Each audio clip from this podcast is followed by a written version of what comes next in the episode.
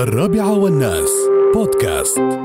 طيران الإمارات تنتظر تسلم. ما شاء الله. اسمعوا لي تنتظر طيران الإمارات.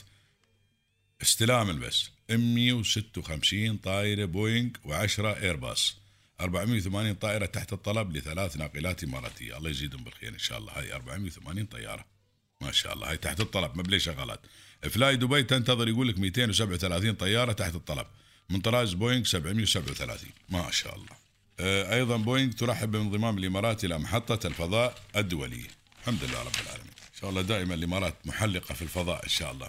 الرابعة والناس بودكاست.